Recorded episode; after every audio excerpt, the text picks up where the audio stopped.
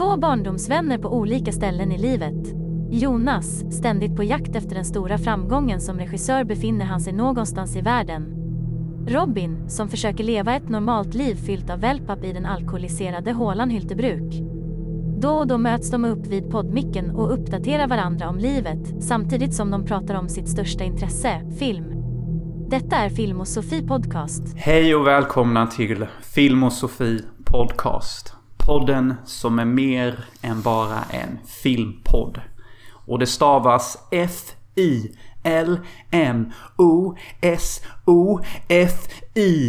Mellanslag P-O-D-C-A-S-T. Vad blir det? Film och Sofie Podcast. Podcast. Jävla...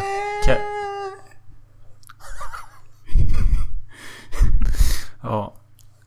Hej hej. Hej och hå, titta här vad farbror Frej tar fram. Två dekadenta freaks från Hyltebruk som nu har växt upp och blivit medelålders män. De är båda från början av 90-talet, den friska tiden. Känn er hemma. Förutom ni som är med i generation Z. Ni kan... Eh, ja, okej då. Ni får en chans. Skriv jag representerar generation Z. I stand up for millennials. Okej. Thank you. Så detta är vår podd. Välkomna så mycket till denna. Uh, I dagens ära ska jag dricka en shot. Eller ja. Hold your fucking horses. It's not about to go wild. Utan det är en kaffeshot faktiskt. Inget mystiskt i denna kopp. Blir du fortfarande lika påverkad av kaffe?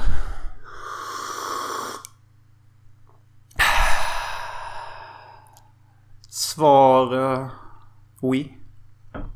Svar si. Uh, da. Ja. Eh, ja, det var alla sätt jag kunde säga ja på. Så yes. Men det är därför jag har lärt mig att justera det. Så jag tog bara en liten sipp nu. Mik- Men annars- Mikrodosering. Mikrodosering Mikrodoseringar. Uh, nej men det påverkar mig rätt grovt. Så det jag brukar göra är att jag gör en stark jävla espresso. Alltså riktigt mammahård. Vi snackar, jag känner den. Indianen next door did it. Pure.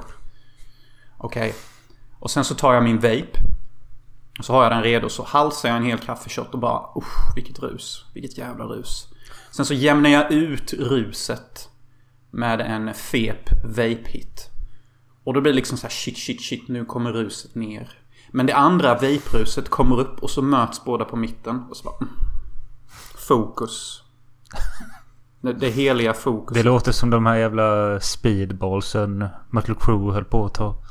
Som var heroin och, ko- heroin och kokain bland. Pratade de likadant eller? Ja, jag tror det. Ja, men till skillnad från Mötley Crüe så håller jag mig till eh, Svensson-droger. Det vill säga en löjlig vape och en espresso typ. Ja, nej. Själv sitter jag här med Nocco. För jag är en hipp, hipp pojke. Ja, du dricker djävulens juice som jag säger. Ja. Ja. Jag vet inte, det har blivit mer energidryck nu på sistone. Det är... På något sätt är det godare att dricka något kallt. När man går upp och tar någonting direkt ur kylskåpet än att sätta på kaffebryggan. Det är så tråkigt. Nej! Robin? Ja. Är det, är det fortfarande du där inne?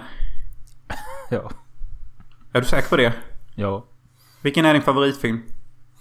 Uh, Die Hard. Nej, nej, det är inte, nej, det är inte jag. Rocky 1. Okej. Och, och du, du hade kunnat säga Class of 99 men alltså fan bro, du, du kan inte mena allvar med vad du säger. Jo. Vem, vem, vem har du pratat med? Vem, vem, har, vem, vem, vem, har, vem har kommit in i ditt huvud och, och, och, och, och, ändrat om dig? Alltså jag tar en kaffe då och då, men det är bara att det är jobbigt. Vad säger tjejen? Nej men hon... eh, hon dricker ju hon... antingen, hon dricker ju antingen iskaffe... Eller en sån här. Ah, Du vet, det är hennes jobb att sätta ner foten. Men, men om hon också dricker samma jävla skit, vad fan, då är, då, då, då är ju... Då, då, nu tar han en klunk. Han dricker ur Noccon. Ja. Men du ska vara glad att idag kör jag Nocco. De andra dagarna hade det varit Ica Basics egna. I, Ica Basic energidryck. Ja, eller det, det är det, heter de Euroshopper eller vad heter de? Ja, det är en billig variant i alla fall. Och så är det utan, sock, shooked. utan socker så det är aspartam istället. Alltså, jag vet inte. Jag vet inte hur jag ska förhålla mig till denna informationen just nu. Det är så många cylindrar som skjuter av. Typ jag vet inte om jag ska skrika, jag vet inte om jag ska show you tough love, jag vet inte om jag ska hålla käften. Jag vet inte om jag bara ska acceptera vad du har sagt och gå vidare. Så jag accepterar vad du har sagt och så går jag bara vidare. Vi provar det. Nice. Hur har du haft det i Tyskland? Ja just det, Well. vi kan säga det. Eh, för ni som inte är Patreon. Jonas berättade i senaste Patreon-avsnittet där vi gjorde ett kommentatorspår till From Dusk Till Dawn. Att han skulle till Tyskland på en dejt. Ifall ni inte fattar vad vi pratar om. Jo, som jag, som jag sa till... Eh, som jag har sagt nu i någon vecka. Eftersom jag jobbar i ett kasino. Så många människor har frågat mig om jag spelar eller om jag är en gambler. Och då har jag sagt I only gamble in love. Och jag bevisade det genom att åka och besöka mitt kärleksintresse i Tyskland. Och det var eh, awesome sauce. Awesome hur- sauce. Kan du utveckla detta? Hur uppkom kärleksintresset och... Eh, du vill ju inte nämna förra gången vart i Tyskland du skulle. Det kan du väl säga nu för nu är du inte där. Uh, Okej, det kan jag göra. Jag åkte till en stad som heter Cologne. Ja, det uttalas exakt som uh, Cologne. Alltså det man uh, smörjer på sig på kinderna efter man rakat sig. Och Cologne är som en uppgraderad version av Halmstad. Ganska exakt. Ni som har varit i Halmstad känner till det. Uh, och vårt kärleksintresse, eller vårt romantiska intresse, började med att vi matchade på Tinder. Uh, för att hon var här på semester. Och... eh, alltså eh, redan direkt eh, när jag såg bilden så visste jag typ att eh, that's... That's the fucking unicorn. And uh, she, she's fucking mine. Basically. Uh, alltså... Jag vet inte hur jag kan sätta ord på det. Men de som har sett Romeo och Juliet, jag tror ni fattar. Uh, hon är min Juliet och jag är Romeo. Och Ja, jag trodde det var Pesto. tvärtom. Nej, så progressiv är jag inte. Och så progressiv kommer jag aldrig bli.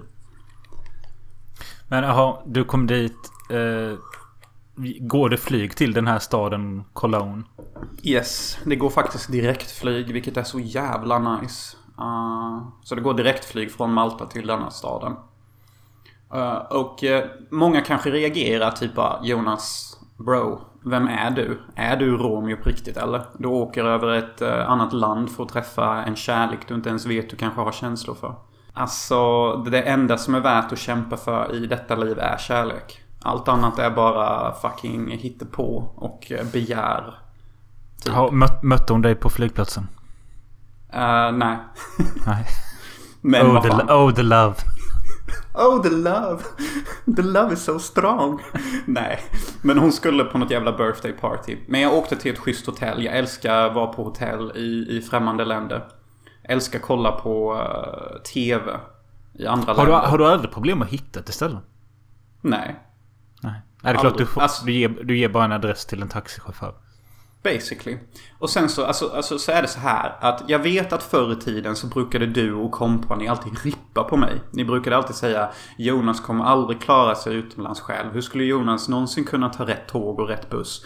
Hur kommer Jonas någonsin kunna åka någonstans utan att bli buttfucked in the ass? Men look at me now. Jag åker Vi, värld vi vet ju inte heller vad du döljer. Nej. Som, som sist när du kom hit till Sverige så bara... Ja, de ville visitera mig och jag bara fuck you. Så bara höll jag, på, jag höll inte på att komma in i landet. Det händer, ju, det händer ju grejer som inte vi vet om. Exakt.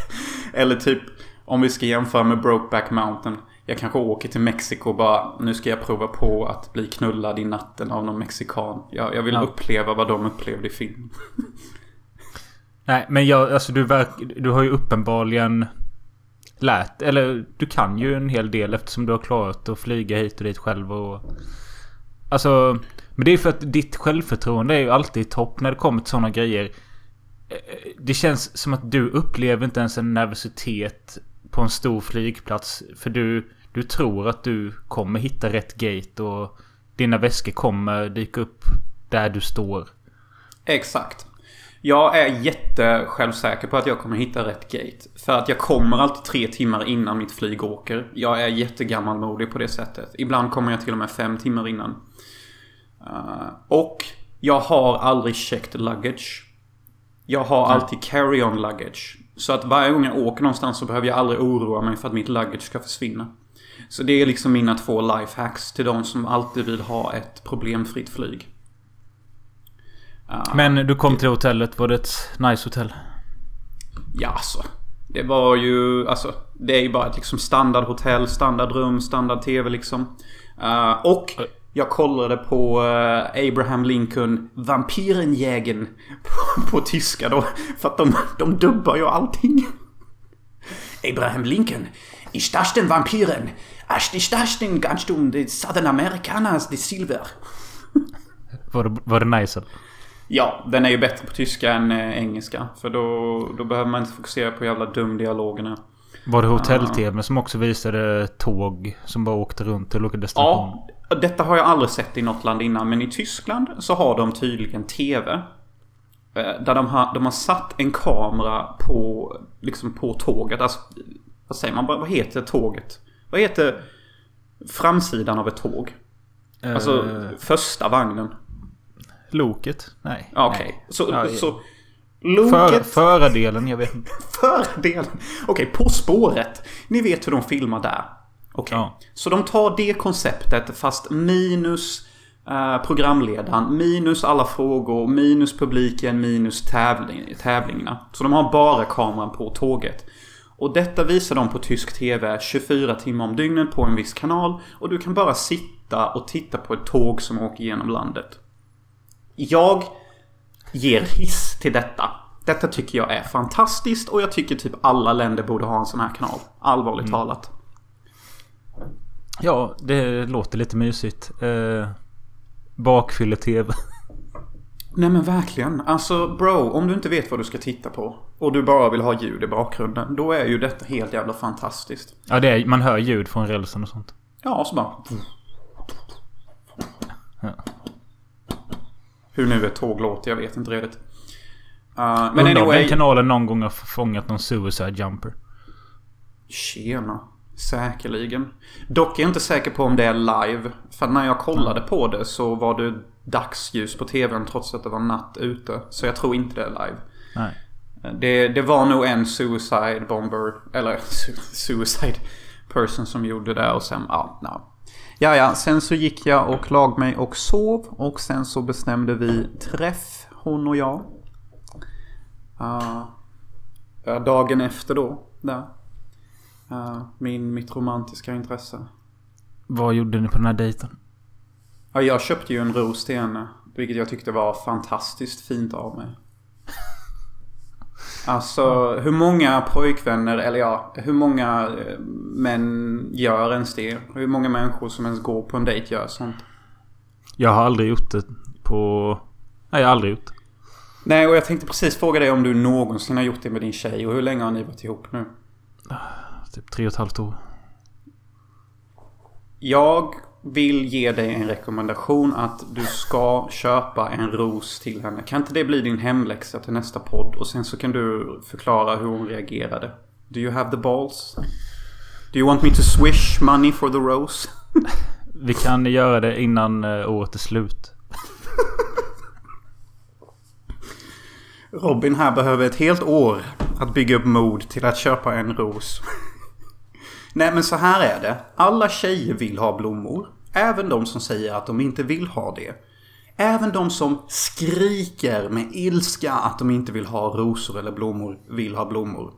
Det är en universal grej. Jag frågade till och med tjejerna på mitt jobb, har ni någonsin fått en ros på en dejt? Båda sa nej. Och båda sa att jag hade jättegärna velat ha det. Så jag bara okej, okay, it's settled, I'm gonna give her a rose. Jag är för fan Romeo, hon är min Juliette. Det här ska bli det mäktigaste. Vad sa, vad sa hon om den? Hon blev hur jävla fucking glad som helst och hon kunde typ inte sluta prata om det på hela dagen. Och hon hade aldrig fått en ros innan hela sitt liv. Och hon la till och med upp det på sin story sen. Och skrev perfect day. Nice. Mm. Men vad gjorde ni då? Nej, vi gick på massa fina restauranger, vi gick runt och vandrade och pratade och bara typ hade en good ass sweet time.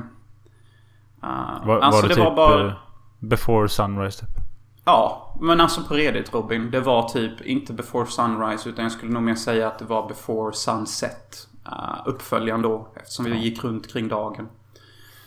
Uh, men ja, uh, snyggt där. Nu slipper jag förklara varenda detalj men det var exakt som i den trilogin. Det var uh, instantaneous connection typ. Vad jag alltid har sökt efter.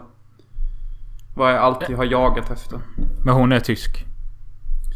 Nej, det är hon faktiskt inte. Men hon bor i Tyskland. Men det här låter jag förbli lite av en hemlighet. Okej, okay? jag vet inte vilka sorts människor jag har där ute som kan vilja förstöra saker för mig. Men var det då ett dygn eller? Yes. Ja. Uh, ett dygn. Men jag hittade världens pris som jag sa. Alltså det sjuka är att, att, att åka till ett annat land och gå på denna dejten var billigare för mig än om jag hade åkt till andra sidan ön på Malta. Förklara för mig hur den ekonomin går ihop. Nej. Jag åker typ 450 mil. Och det är billigare än att åka typ 10 mil. Okej. Okay. Nej, jag, jag kan Okej. inte svara på det. Men eh, Inflation? I don't know. gick dejten bra? Då kommer ni ses igen. Det tror jag nog säkerligen garanterat vi kommer göra. Uh, med 100-150 procent. Alltså jag, jag vågar till och med nog säga så att detta är nog uh, my fucking woman. Ja, ta det lugnt nu.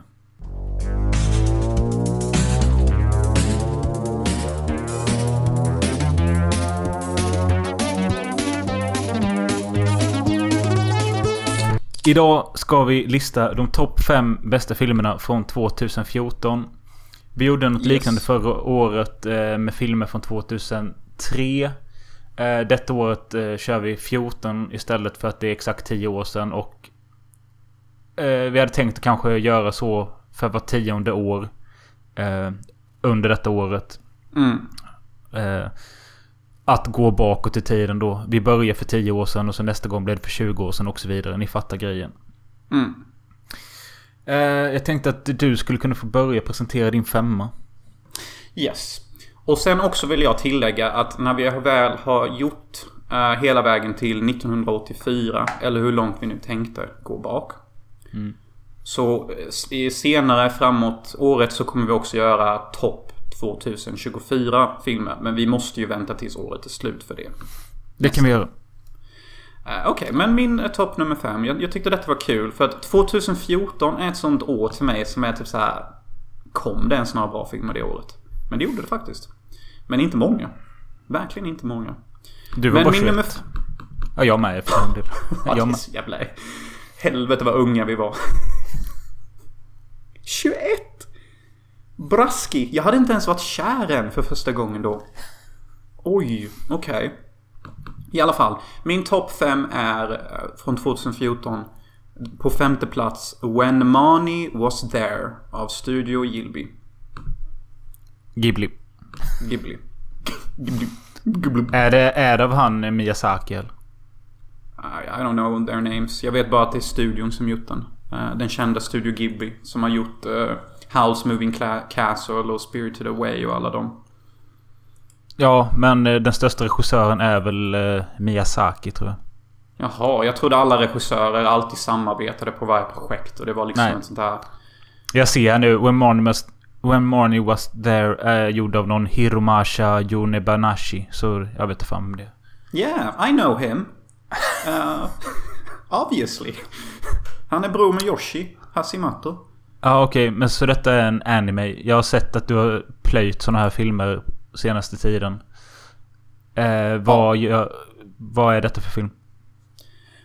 Det sjuka är att jag kan knappt uh, justifiera varför jag tycker detta är femte plats. För att jag vet inte vad filmen handlar om seriöst.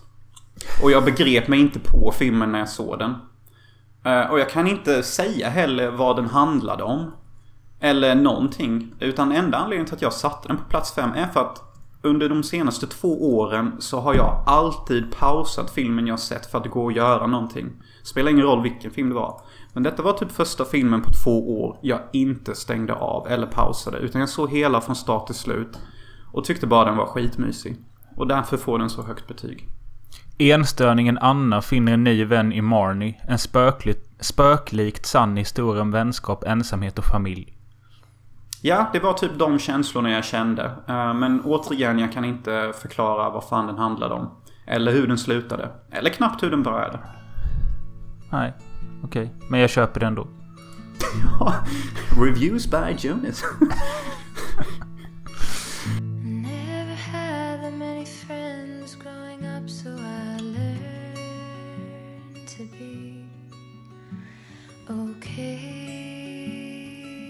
På min plats nummer fem har jag... eh, In Darkness We Fall. Eller La Wow. Cueva. Eh, jag tror jag pratat om den i podden någon gång innan. Kanske i samband med när vi gjorde topplista av skräckfilmer, jag vet inte. Men detta är en spansk film. eh, om ett gäng eh, backpackers eller polare som ska ut och besöka någon grotta. Och de fastnar i grottan. Nej. Eh, Är det denna jävla filmen du satte på på bakfyllan? ja. Ja. Världens sämsta bakfylleval ever. Hur fan kan man välja denna filmen och se på bakfyllan? Jag vet inte, jag kan hålla med nu i efterhand att det var jättedåligt. Ja, för så här är det. Jag och Robin var CP-bakfulla. Alltså verkligen så här skitbakfulla. Jag vet inte redigt vad vi hade gjort dagen innan. Om vi var på en fest eller bara drack hemma hos dig. Men vi vaknade upp jättebakfulla. Och Robin sätter på denna filmen. Och i Ja, denna och- filmen så dör alla långsamt för att de inte hittar ut ur en grotta. Vi har också en galen spansk man som bara Jag ska knulla dig din pendeja. Jag ska knulla dig. Sen ska jag äta dig din hora. Du har fastnat här inne. Jag ska äta dig. Okej, det, här, det här hjälper mig definitivt till att må bättre. Eh, alla karaktärer i filmen är på sätt och vis vidriga. Eh, Ingen är direkt likeable. Men eh, filmens styrka är att den är liksom gjord lite som en eh, semesterfilm mellan några polare. Det är liksom... Ja men till en början rätt goa klipp filmade med en DV-kamera när de tältar, badar, festar, knullar.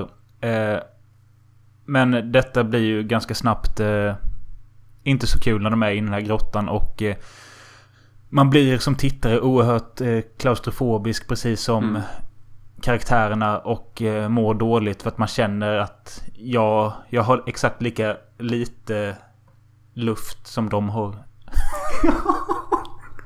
Helvete vad bra sammanfattat. Men eh, det är just den sista repliken du sa. Fan vad lite luft de har och jag känner jag har samma sak. Och det var ex- och plus var bakfull på det. Typ, du känner dig jättetörstig, du har luftbrist. Alltså, det är så, mm. alltså den är egentligen jättebra. För att den, den ger en jättemycket ångest på alla rätt sätt. Men för Ja. helvete. Det är ju ingen trevlig film att sätta på. nej, nej. Alltså det är ju inte Eh. som att du typ kommer ha en good time. Det är ju för att ha en bad time. Frivilligt.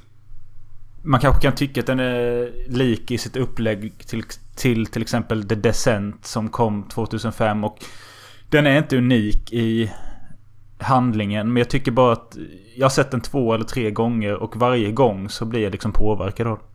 Ja, eh, men alltså allvarligt talat. Alltså i, inom found footage-kategorin så är detta toppklass. Ja. Alltså det är typ topp fyra found footage ever. Allvarligt talat det är det. Ja. Ta din nummer fyra. Okej, min nummer fyra tycker jag är ganska standard och ganska klyschig. Men å andra sidan, det kom inte många bra filmer 2014. Så min plats fyra är Ex Machina. Kom den då? Ja. Ja, ja jo jag tror det. Eller så kanske den kom 2015 eller något. Men den, den stod att den kom 2014 på den listan jag hittade. Okej. Uh, och Ex Machina, hur fan ska jag förklara den? Uh, det är ju den där jävla robotflickan. Uh, du gillade ju den som fan. Det är ju du Ex Ex. Machina heter den ju. Men eh, det kan jag säga, men när jag gjorde min lista så plockade jag bort lite filmer som jag bara sett en gång eller inte sett på väldigt länge. Och den här har jag bara sett en gång. Va? Detta är en sån här typisk Robin Möller-film trodde jag.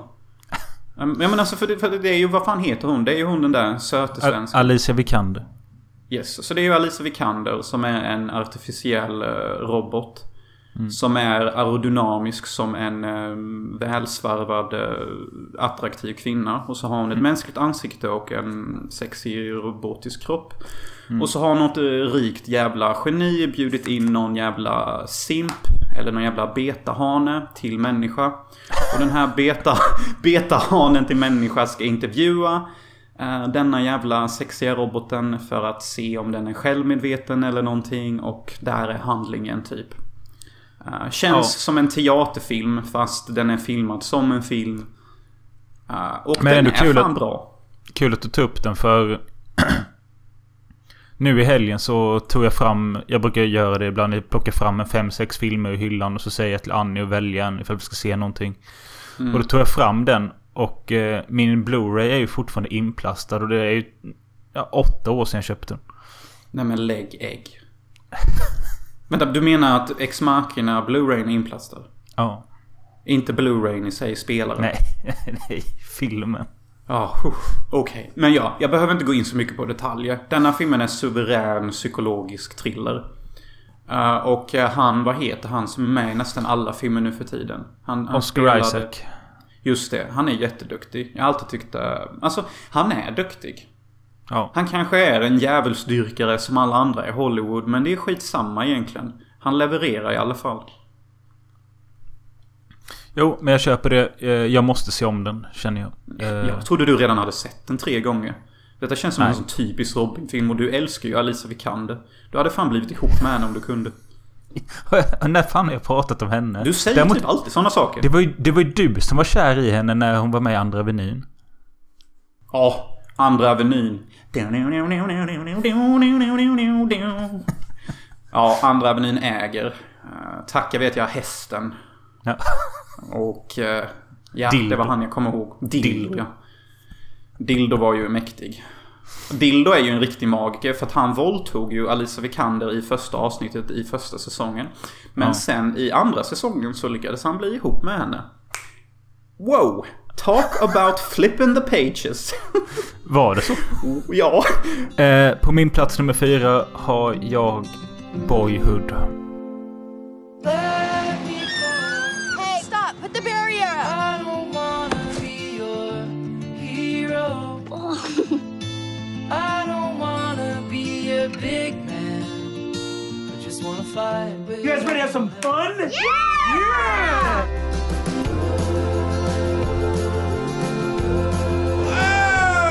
Don't worry about it. Wish we could use the bumpers. You don't want the bumpers. Life doesn't give you bumpers.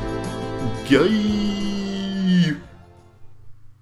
Filmen som blev mest känd eh, av eh, att den tog 12 år att göra. Eller de tog sam- en liten pojke som var 6 år och filmade han varje år i 12 år. Och så att man följde hur han växte upp. Eh, Och... och say it again. gay. Grooming! Jaha, nej. Men eh, egentligen så tycker jag inte att just det greppet att eh, filma det under 12 års tid. Det gör inte så jävla mycket för filmen egentligen. Det är häftigt att det är gjort men de hade lika gärna kunnat, fan vet jag, byta ut skådis här och där för att se han åldras. Uh, för för mig är det bara liksom en trevlig coming of age-film med bra skådisar i form av Ethan Hawke och Patricia Arquette som föräldrarna. Och att den liksom bara är en slice of, life slice of life av en eh, pojke. Det är en jättebra sammanfattning men jag måste nog hugga in där och säga att jag säger ju att Boyhood är gay. Och den inspirerar folk till grooming. Men jag imponeras så mycket av att de faktiskt använder sig av samma skådisar i 12 år. Jag tycker att, att du dissar det konceptet lite, eh, gör mig lite Nej, upprörd. För att, nej, jag- fattar du hur svårt det är? Jag dissar inte det, men däremot känns det som att film, eh, folk säger att ja men den är ju så jävla bra för den är gjord under 12 år. Att det är liksom det som gör att filmen är bra. Det är typ det jag säger gör filmen bra faktiskt. För det, det, alltså det, Fattar du hur svårt det är som regissör att hålla ihop ett helt cast i 12 år och inte byta ut någon? Ja, det är väl imponerande. Men jag tycker att den, alltså, den hade klarat sig utan det. Jo, jo, det hade den. Men eh, då hade det ju inte blivit samma gimmick när den kom. Nej. Nej, nej, alltså jag förstår ju varför. Och du, du Någon- gillar väl jag- också filmen? Ja, säg, säg vad du ska säga där. Nej men det hade varit kul nu att han har inte berättat någonting. Och så mm, om två år har det gått 12 år till. Och så kanske han har filmat i smyg i 12 år till. Det hade varit kul. Och göra Det en hade Boyhood varit 2. jättekul. Ja. Tänk så gjorde han det faktiskt. Ja. Ja, men jag måste säga, Boyhood har faktiskt bra slice of life egenskaper. Och jag gillar att han typ tar LSD i slutet och sitter jämte vad som antagligen kommer bli hans flickvän. Och jag gillar också repliken I just thought it would be more. Eller vad det är hon säger. Ja. Den, den, den är ju Som jättemånga som tycker om. Handlar om hela livet. Exakt. Och, och till det vill jag säga att jag hatar låta dryg. Men livet blir vad man gör det till. Och jag hoppas att människor som ser denna filmen inte låter sig luras av repliken. Man är i kontroll över sitt egna öde. Speciellt om du har alla händer och ben och ögon och hjärna kvar. Anyway. Men på tal om Richard Linklater som gjort filmen så Jag blev så besviken att eh, När jag hittade Before Sunrise Det kanske var 2000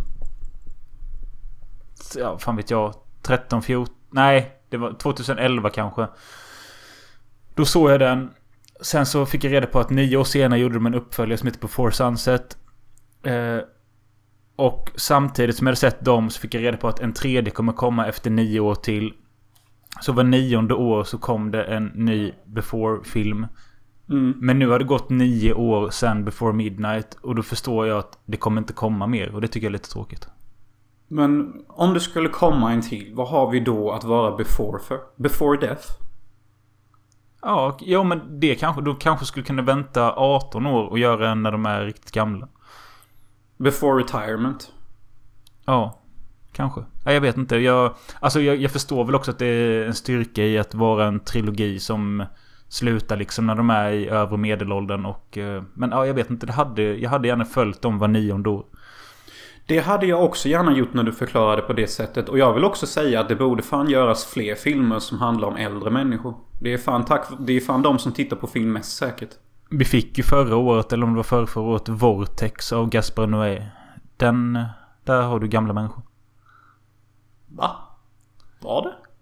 Ja, Dario Argento spelar en gammal man som är tillsammans med en gammal kvinna och eh, hon drabbas av eh, demens och eh, filmen är filmad i split screen nästan hela filmen. Ja just det. Den såg jag ju och tyckte om. Var det gamla människor?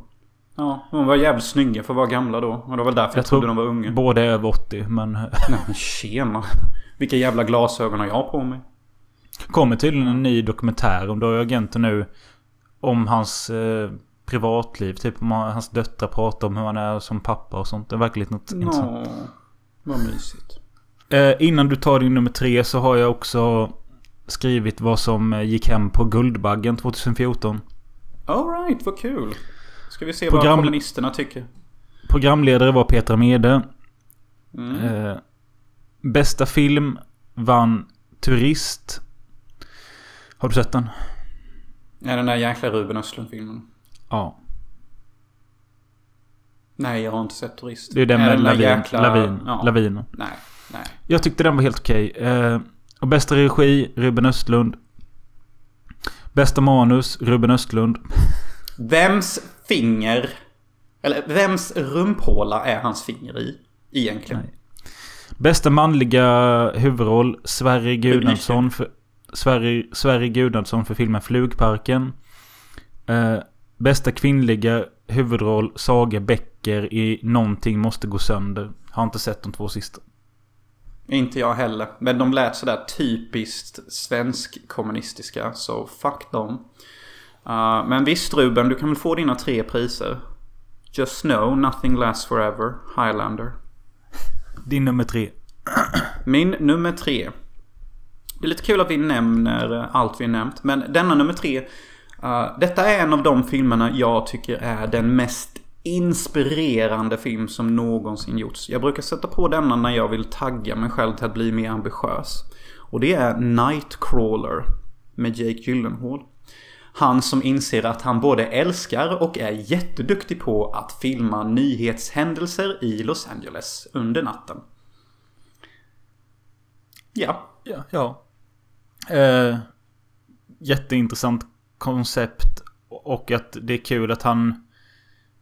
Han, han åker till brottsplatser för att vara först där och tjäna pengar på det. Men blir mer och mer besatt av det. Mm. Så det är det han gör. Han, han åker till brottsplatser, försöker fånga det med kamera och sälja det till nyhetssajter. Uh, och sen så har han ju riv rivialer, han typ mördar eller förstör. Alltså jag brukar säga att detta är typ som American Psycho. Fast om American Psycho hade ambitioner att bli nyhetsreporter. Det är typ, det är typ vad det är. Ja. Det... Absolut. Jag gillar den också men eh, inte riktigt så mycket. Och, och det jag älskar mest är att han personen Nightcrawler, han gör allt för att lyckas. Han flyttar lik så att de ska ligga i bättre bild för en bättre bild för kameran. Han, han justerar bevis på crime scene så att det ska se mer cinematiskt snyggt ut. Och sen så iscensätter han också uh, crime för en mer effektiv story. Ja. Det sista han gör där, det är väl kanske lite där jag skulle ta min gräns personligen. Men om ett lik redan är dött, vad i helvete gör det då för skillnad om jag flyttar liket för en bättre bild? Seriöst? Nej. Answer me that Robin. Vad gör det Nej. egentligen? Jag Han är redan på död. Ja, jag vet. Jag vet. He won't mind. He won't mind. Men, och så älskar jag ju såklart hans skådespel när han skriker in i sin badrumsspegel och slår sönder den. Och Ja, alltså, precis Jake, som... Gyllenhaal, Jake Gyllenhaal är bra. Alltså, oj, alltså han är alltid bra. I Brokeback Mountain liksom. Oh. I can't be satisfied with one fuck every third year. Eh, på, Nej, min men- plats, på min plats nummer tre har jag eh, John Wick. Random fucking val. Det hade jag aldrig trott du skulle säga. Du hatar ju typ action. Ja, men det här är ändå typ någon form av old school action. Och just den första John Wick-filmen. Det är så tydligt och enkelt. Eh, en tydlig och enkel hämndhistoria. När de liksom bryter sig in hos honom, snor hans bil, dödar hans hund. Eh, och det behövs inte mycket mer för att man förstår att han vill ha hämnd. Sen då att han är liksom världens mest eh, talangfulla mördare. Det, det kanske inte är så realistiskt men det skiter jag lite i den här världen. Eh, Nej men jag... och sen då att vi har svenske Mikael Nyqvist som eh, huvudboss är kul. Eh, Vad tycker du om den typ... Jag tycker det är så fett random att Mikael Nyqvist går ut och bara Let's fight like men. Och Mikael Ja. Nyqvist och John Wick har en hand-to-hand combat. Och Ja. det är typ så här... Är detta coolt?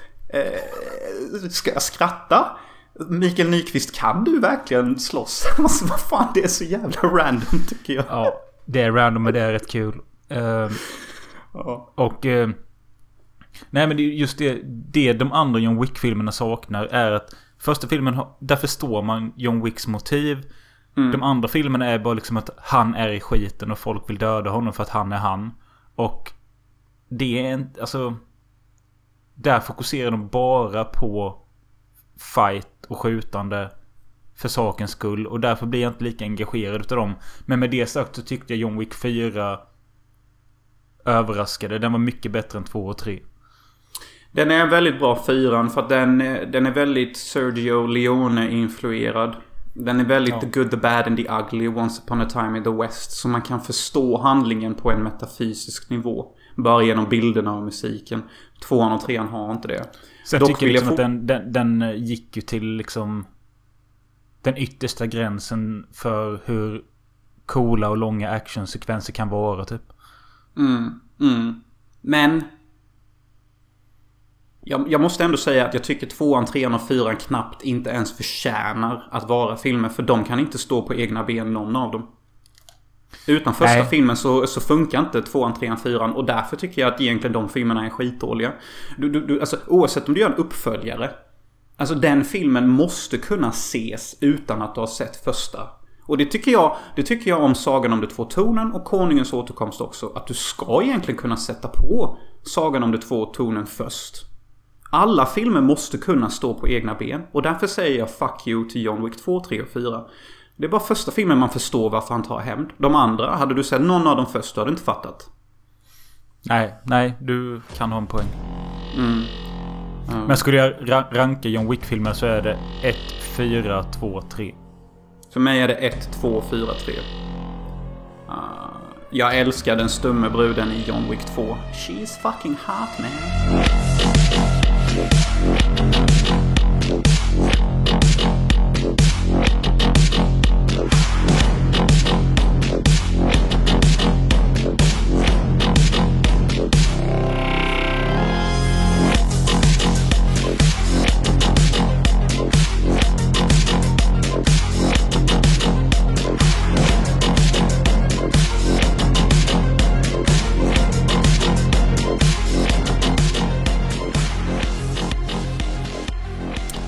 Min nummer två, och detta är en film jag ser minst en gång om året och jag har exakt samma anledning som Nightcrawler, men jag tycker denna gör det lite bättre. Och det är Whiplash. I'm gonna fuck you like a pig. Ja, den såg jag ju faktiskt om nyligen och eh, jag förstår vad du ser med eh, att Miles Teller är så oerhört hängiven till att bli the best och att eh, läraren J.K. Simmons är så hårt drillande för att man måste vara det för att eleven ska förstå och bli den bästa. Mm, och jag tycker det är så tydligt när Miles Teller för första gången käftar tillbaka typ. Han bara that shit? Och typ You're gonna approve that shit? Och jag älskar också när, när han måste springa till bilen för att han har glömt... eh, och så bara fuck you! Trumpinnarna. Ja, och så bara fuck you. That's my... Alltså jag älskar när de börjar tjafsa med varandra. Det är så fucking hard. Det är så raw. Och att de börjar slåss också. Typ jag vill också ha en sån lärare. Som är så hård mot dig att jag börjar slå honom. That's passion bro. Och sen det att han har varit likadan mot en gammal elev som tagit livet av sig men säger bara ah, han har dött i en bilolycka. jag vet. Visst. Men alltså det, det jag tycker är så fint med historien det är att båda egentligen är psykopater typ. Och de bara finner kärlek i varandra. De, de triggar varandras bästa sidor typ. Jag vet inte vad jag hade för minne av den men nu så jag, jag tycker mycket om den. Alltså jag tycker om att titta på den men det är bara att jag kände mot slutet när de ska ha den här stora konserten. Att det var inte så här jag mindes att den slutade. Att de liksom... Spoiler men att de hittar varandra där och sen tar filmen slut. Jag tycker det är så fint. Och den här, den här, alltså den här sista drömscenen. Bara 10 minuter av klippning och musik. Det är very fucking intense. Ja. Men du gillade inte det eller? Det funkade Ja, inte eller? jo, jag gillar det men det... Jag vet inte, jag... Jag hade fått för mig typ att... Uh, Miles Teller sabbade allting där medvetet eller något sånt. Men det gör han ju inte. På min plats nummer två har jag... What We Do In The Shadows. Oh. Jag hade nog haft den på min plats fem faktiskt. Om jag hade hittat den. Något så unikt som en vampyrmockumentär. Mm. Eh, eller det var unikt då. Nu har ju filmen fått... Är det typ fem säsonger av en tv-serie efter? Eh, Wow. Jag har inte ens sett ett enda jävla avsnitt. nej, inte jag heller. Men tydligen så säger folk att det är fan skitbra. Men jag bara orkar inte. Nej, alltså jag, jag tyckte typ att det var ett koncept som funkade jättebra. Inom en film. 90 minuter typ, ja. Ja. Och jag känner typ att en serie hade ju bara liksom okej, samma skämst fast olika... ja alltså hur ska man förklara denna filmen typ? Nej men alltså de följer ju ett gäng helt olika vampyrer som bor tillsammans i eh, ett slott. Någon är eh, en vampyr från typ 1200-talet. Någon är från 90-talet. Någon är från nutid. De, det gemensamma de är, är att de är vampyrer. Men alla har olika värderingar och vad det innebär att vara vampyr. Mm. Och, och något av det som jag tycker är så klockrent. Det är typ alla de här som har varit vampyrer i ganska lång tid. De dissar ju typ han som precis har blivit nyligen vampyr. För att han fattar ju inte redigt koderna. Så när de är ute och dricker och han blir CP-full. Då går han ju runt på gatan och bara I'm a vampire and it fucking rules. Och typ bara beter sig som ett sånt fyllo som är full för första gången. Alltså det finns många sådana här klockrena saker Och att de har en jävla... De har ju en helt vanlig tjomme som vill bli vampyr. Ja, som typ är deras servant och han typ Ja. håller på att jobba upp sig. Och han heter Bill eller någonting och alla älskar honom. Steve Bill is a, Steve's such a kind guy. You know, he, sometimes he even tricks humans to come by so we can eat them. Jag vet inte om det sägs, men det är typ på den nivån. Jag älskar också det, varulvarna. det, det som, Ja precis, det är det jag skulle säga. Ja, för, för, för varulvarna tar ju det seriöst. De vill ju typ inte förvandlas till varulvar. För att när de blir arga så blir de ju varulvar. Så de bara... We're werewolves, not swearwolves. We're werewolves, not swearwolves. För typ om de svär blir de arga och blir de arga blir de varulvar. Ja, och det är ju rätt kul när de möts där ute i natten. Vampyrer mot varulvar. Ja, och så börjar ju vampyrerna hetsa varulvarna. Och så typ dör Steve eller någonting. Så bara Steve! He, the, the werewolves got Steve. Ja, och eh, för att inte glömma att de har en gammal Nosferatu-vampyr. Eh, Peter heter han. Som bor nere i källaren. Jag tycker det är Ja, och han är typ så här 700 år vampyr. Så, så, så det är ett jätte så här genikoncept eh, faktiskt. eh, som jag tycker funkar helt fucking suveränt. Innan du tar din nummer ett så har jag även Oscarsgalan 2014. Oh my god. Okej. Propagandan för 2014, vad var den? Eller ja, detta är 2015 men det är från det året de pratar om 2014. Eh, Yes. programledare var Neil Patrick Harris. Ja, där kan jag ju lugnt säga gay. Och det är faktiskt sant. Ja. Eh, bästa kvinnliga huvudroll var Julianne Moore i Still Alice. Jag tror det är någon slags demensdrama eller Alzheimers eller något sånt. Moore. Om Julianne Moore har vunnit ett pris för acting, då vet jag att det är propaganda. Bästa manliga huvudroll Eddie Redmayne i Theory of Everything. Eh, är det den där han är Stephen Hawkins eller? I guess. Ja. Eh, bästa regi Alejandro González Inarritu för Birdman. Och bästa film Birdman. Okej, fair enough. Honestly. Honestly, det är i alla fall en unik film som är, ser, ser, såg jävligt svår ut att göra. Eh, såg vi den på bio? Jag såg den inte på bio. Du kanske gjorde. Men det är ju en så kallad one-take-film med egentligen sex klipp i sig. Uh, alltså, den förtjänar faktiskt det. Jag tänker inte rippa på den. Är den, tycker jag den är jättebra? Yeah, I don't know. Jag har bara sett den en gång. Jag har också bara sett den en gång året den kom. Alltså tio år sedan. Ja, samma. Samma. Det... ja, Jag, jag minns inte så mycket. Jag vet att Michael Keaton och Emma Stone är med. Mm. Mm. Och jag vet att Emma Stone hade svårast för att komma ihåg sina repliker. Uh, och jag, jag vet att Edward Norton också har en roll och han gör i princip parodi på sin egna uh, karaktär som människa. Typ han, hur problematisk han är att jobba med som skådis. Fast jag förstår egentligen inte det. Alltså, hade jag jobbat med Edward Norton, jag hade nog tyckt att han var den bästa skådespelaren någonsin att jobba med. För att han tar egna initiativ. Ska hans karaktär vara full ska han vara full. Uh, och han går alltid 100% in i sina roller. Så den enda som egentligen kan ogilla en sån här regissör är ju ett control freak. Någon som ska bestämma allting. Men om man bara ger han fria tyglar så blir det ju helt perfekt. Ja. Har han gjort något bra på sistone? Nej, det är för att alla hatar honom. För att ingen orkar med honom. Därför att alla regissörer är control freaks. Edward Norton, om du hör detta och kan svenska. Hit me up. Ta din plats nummer ett för 2014 års bästa film. Alright, alright. Okej, denna filmen var riktigt jävla mäktig när den kom. Och den blev faktiskt lite av en hit i eh, den amerikanska undergroundkulturen. Och den bästa film som kom år 2014 är Spiritual Agony. From the deep woods of Sweden comes a new underground psychedelic trip. The first full length motion picture by Hanson Miller. Spiritual agony. It will rape your mind.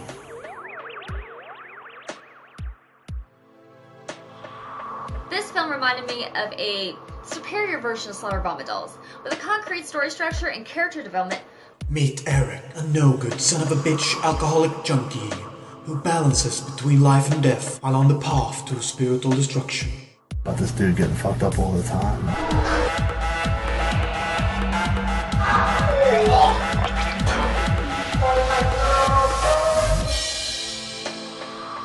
Eller också som den är känd som Själanöd. Gjord av Robin Möller och Jonas Hansen. Den kom faktiskt 2014 bruh. Det, det är kul att du väljer den, men på ett sätt är det inte sant. För att du har ju satt högre betyg på till exempel Wishplash. Bruh. Bruh. Jag kommer gå in och ändra det direkt. Okej. Men denna är bättre än Whiplash. Det är den. Ja, den, den är uni- mer unik. Uh, Yeah. Ja, vad ska vi säga om denna som vi inte redan har sagt? Okej, Själanöd handlar om en eh, knarkare som knarkar varje dag. Eh, och eh, hans bästa kompis försöker stoppa honom för att inte knarka varje dag. Men det hela leder till en revelation som både får nära och kära till att gråta. Och eh, vissa dödsfall kanske eller kanske inte händer. Ja. Skulle säga att den är ganska surrealistisk av sig. Det är en surrealistisk sweeplotation eh, om alkohol, knark och eh, efterlivet typ. ja. Eh, En så kallad knarkskräck är det faktiskt. Det är en, en, en, väldigt solid knarkskräckfilm. En realistisk, solid Ja. knarkskräckfilm. Jag vet inte om du kommer ihåg om det var förra avsnittet eller vad det var att jag i förbifarten nämnde att jag hade sett Toad Road. Kommer du ihåg den? Jag kommer väldigt mycket ihåg Toad Road. Jag kommer inte ihåg om vi hade sett den innan eller efter. Men det är typ... Det är En det är kusin kus- till Själanöd. Ja, precis. Exakt, jag håller med. Och Toad Road är också en sån här realistisk knarkskräckfilm. Där man gör en, en så kallad horror touch. Eller en horror... En, en skräcktolkning på hur ett knarkberoende kan se ut. Ja, och, Ja, eh, men typ Toad Road och Enter the Void utan budget. Ja, det är typ Själanöd. Ja. ja, alltså jag älskar Själanöd. Jag har alltid en good time när jag ser filmen. Och jag tycker typ bara den kanske har en eller två scener som kanske inte behöver vara med. Uh, och Ja. visst, jag är väl lite based som kidsen säger i min åsikt här eftersom jag var med och gjorde den. Men om inte jag kan älska mina egna verk, vad fan är jag ens för människa då? Nej, men jag tycker det är så kul med att när vi hade en speltid på typ 60 minuter och behövde förlänga det. Då gjorde vi en scen som var typ 25 minuter. Yeah, that's that's how you do it, man. I mean, be effective for fuck's sake. Come on. Ja, nej men Själanöd ser den. Det finns på Vimeo fortfarande. Både under titeln Spiritual Agony med engelsk text och Själanöd med svensk text. För text behöver man. Yes. Det, den har inte bra ljud. Det kommer den aldrig vinna pris för. Uh, Däremot vann den pris på Amsterdams filmfestival för World's Best Cinematography. Och vilken jävla stoner gav oss det priset? För att det måste väl för fan kommit någon film med bättre cinematography än det. För helvete. Det är typ Nej, något av... ja. Alltså hade vi fått pris för practical effect.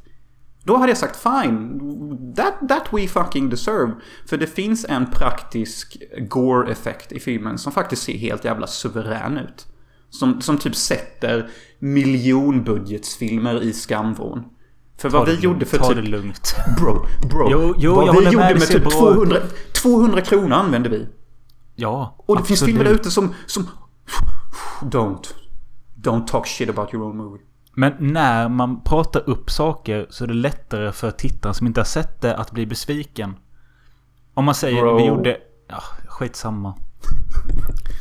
På min plats nummer ett är en film jag har nämnt så många gånger men vi har aldrig pratat om den. Vi ska inte göra det idag heller. Men det är Mommy. Varför ska vi inte prata om mommy? Och när du säger det på det sättet låter det som att du har någon slags sjuk jävla fetisch för din egna mamma eller någonting. Därför vi har ju snackat om att vi ska göra ett avsnitt som ska heta Mammas Mumie. Där vi ska se denna och Mumien. Ja, just det. Okej, Eh, då, då tar men jag jag kan ju bara jag säga att jag, jag har nämnt den flera gånger och jag tycker den är suverän då den både har eh, tekniska knep som är intressanta och roliga med fantastisk soundtrack som förgyller många scener och en... Ja, i grunden är det väl en ganska enkel historia men den är inte så enkel egentligen. Okej, jag vet inte om jag har sett Mammi eller inte Det sett har Mammi. du inte sett. Du har inte sett den. Nej, okej. Men alright, vi kommer prata om den Det var i ju annan därför, det var därför vi skulle göra Mammas Mumie. För du har inte sett Mamma och jag har inte sett Mumien. Just det ja, så ligger det till. Så ligger allt till. Eh, nej, men eh, de som vet, de vet. Exakt, exakt. Och de som vet eh, om Själanöds score-effekt, de vet också. Ah, Ja. Eh, ska vi ha en, en quick repeat? Mina fem från till första då. Så When Ja. Money Was There, Ex Yes. Machina, Nightcrawler, Whiplash och Spiritual Agony, also known as Själanöd. Och jag hade In Darkness We Fall, Boyhood, John Wick, What We Do In The Shadows och Mummy. Intressant, vi hade ingen samma denna gången. Nej, det är faktiskt sjukt. Jag hade några bubblare och det är Black Mirror-avsnittet San Junipero som jag tyckte var skitbra. Mm, mm. Eh, eh, komediskräckisen The Voices.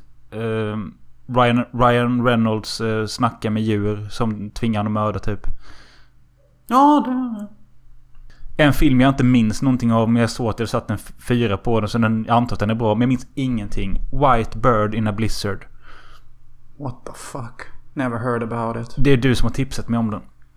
Jesus fucking Christ. Ja, men jag såg filmer på min lista jag inte heller kommer ihåg. Uh, Eh, sen har jag en film jag verkligen borde se om som du och jag har sett en gång. Kanske på varsitt håll. Vi kanske poddade om den i poddens begynnelse. SOB, Summer of Blood. Ja, den ja. Jo, eh, den där eh, underbara datingfilmen. Ja.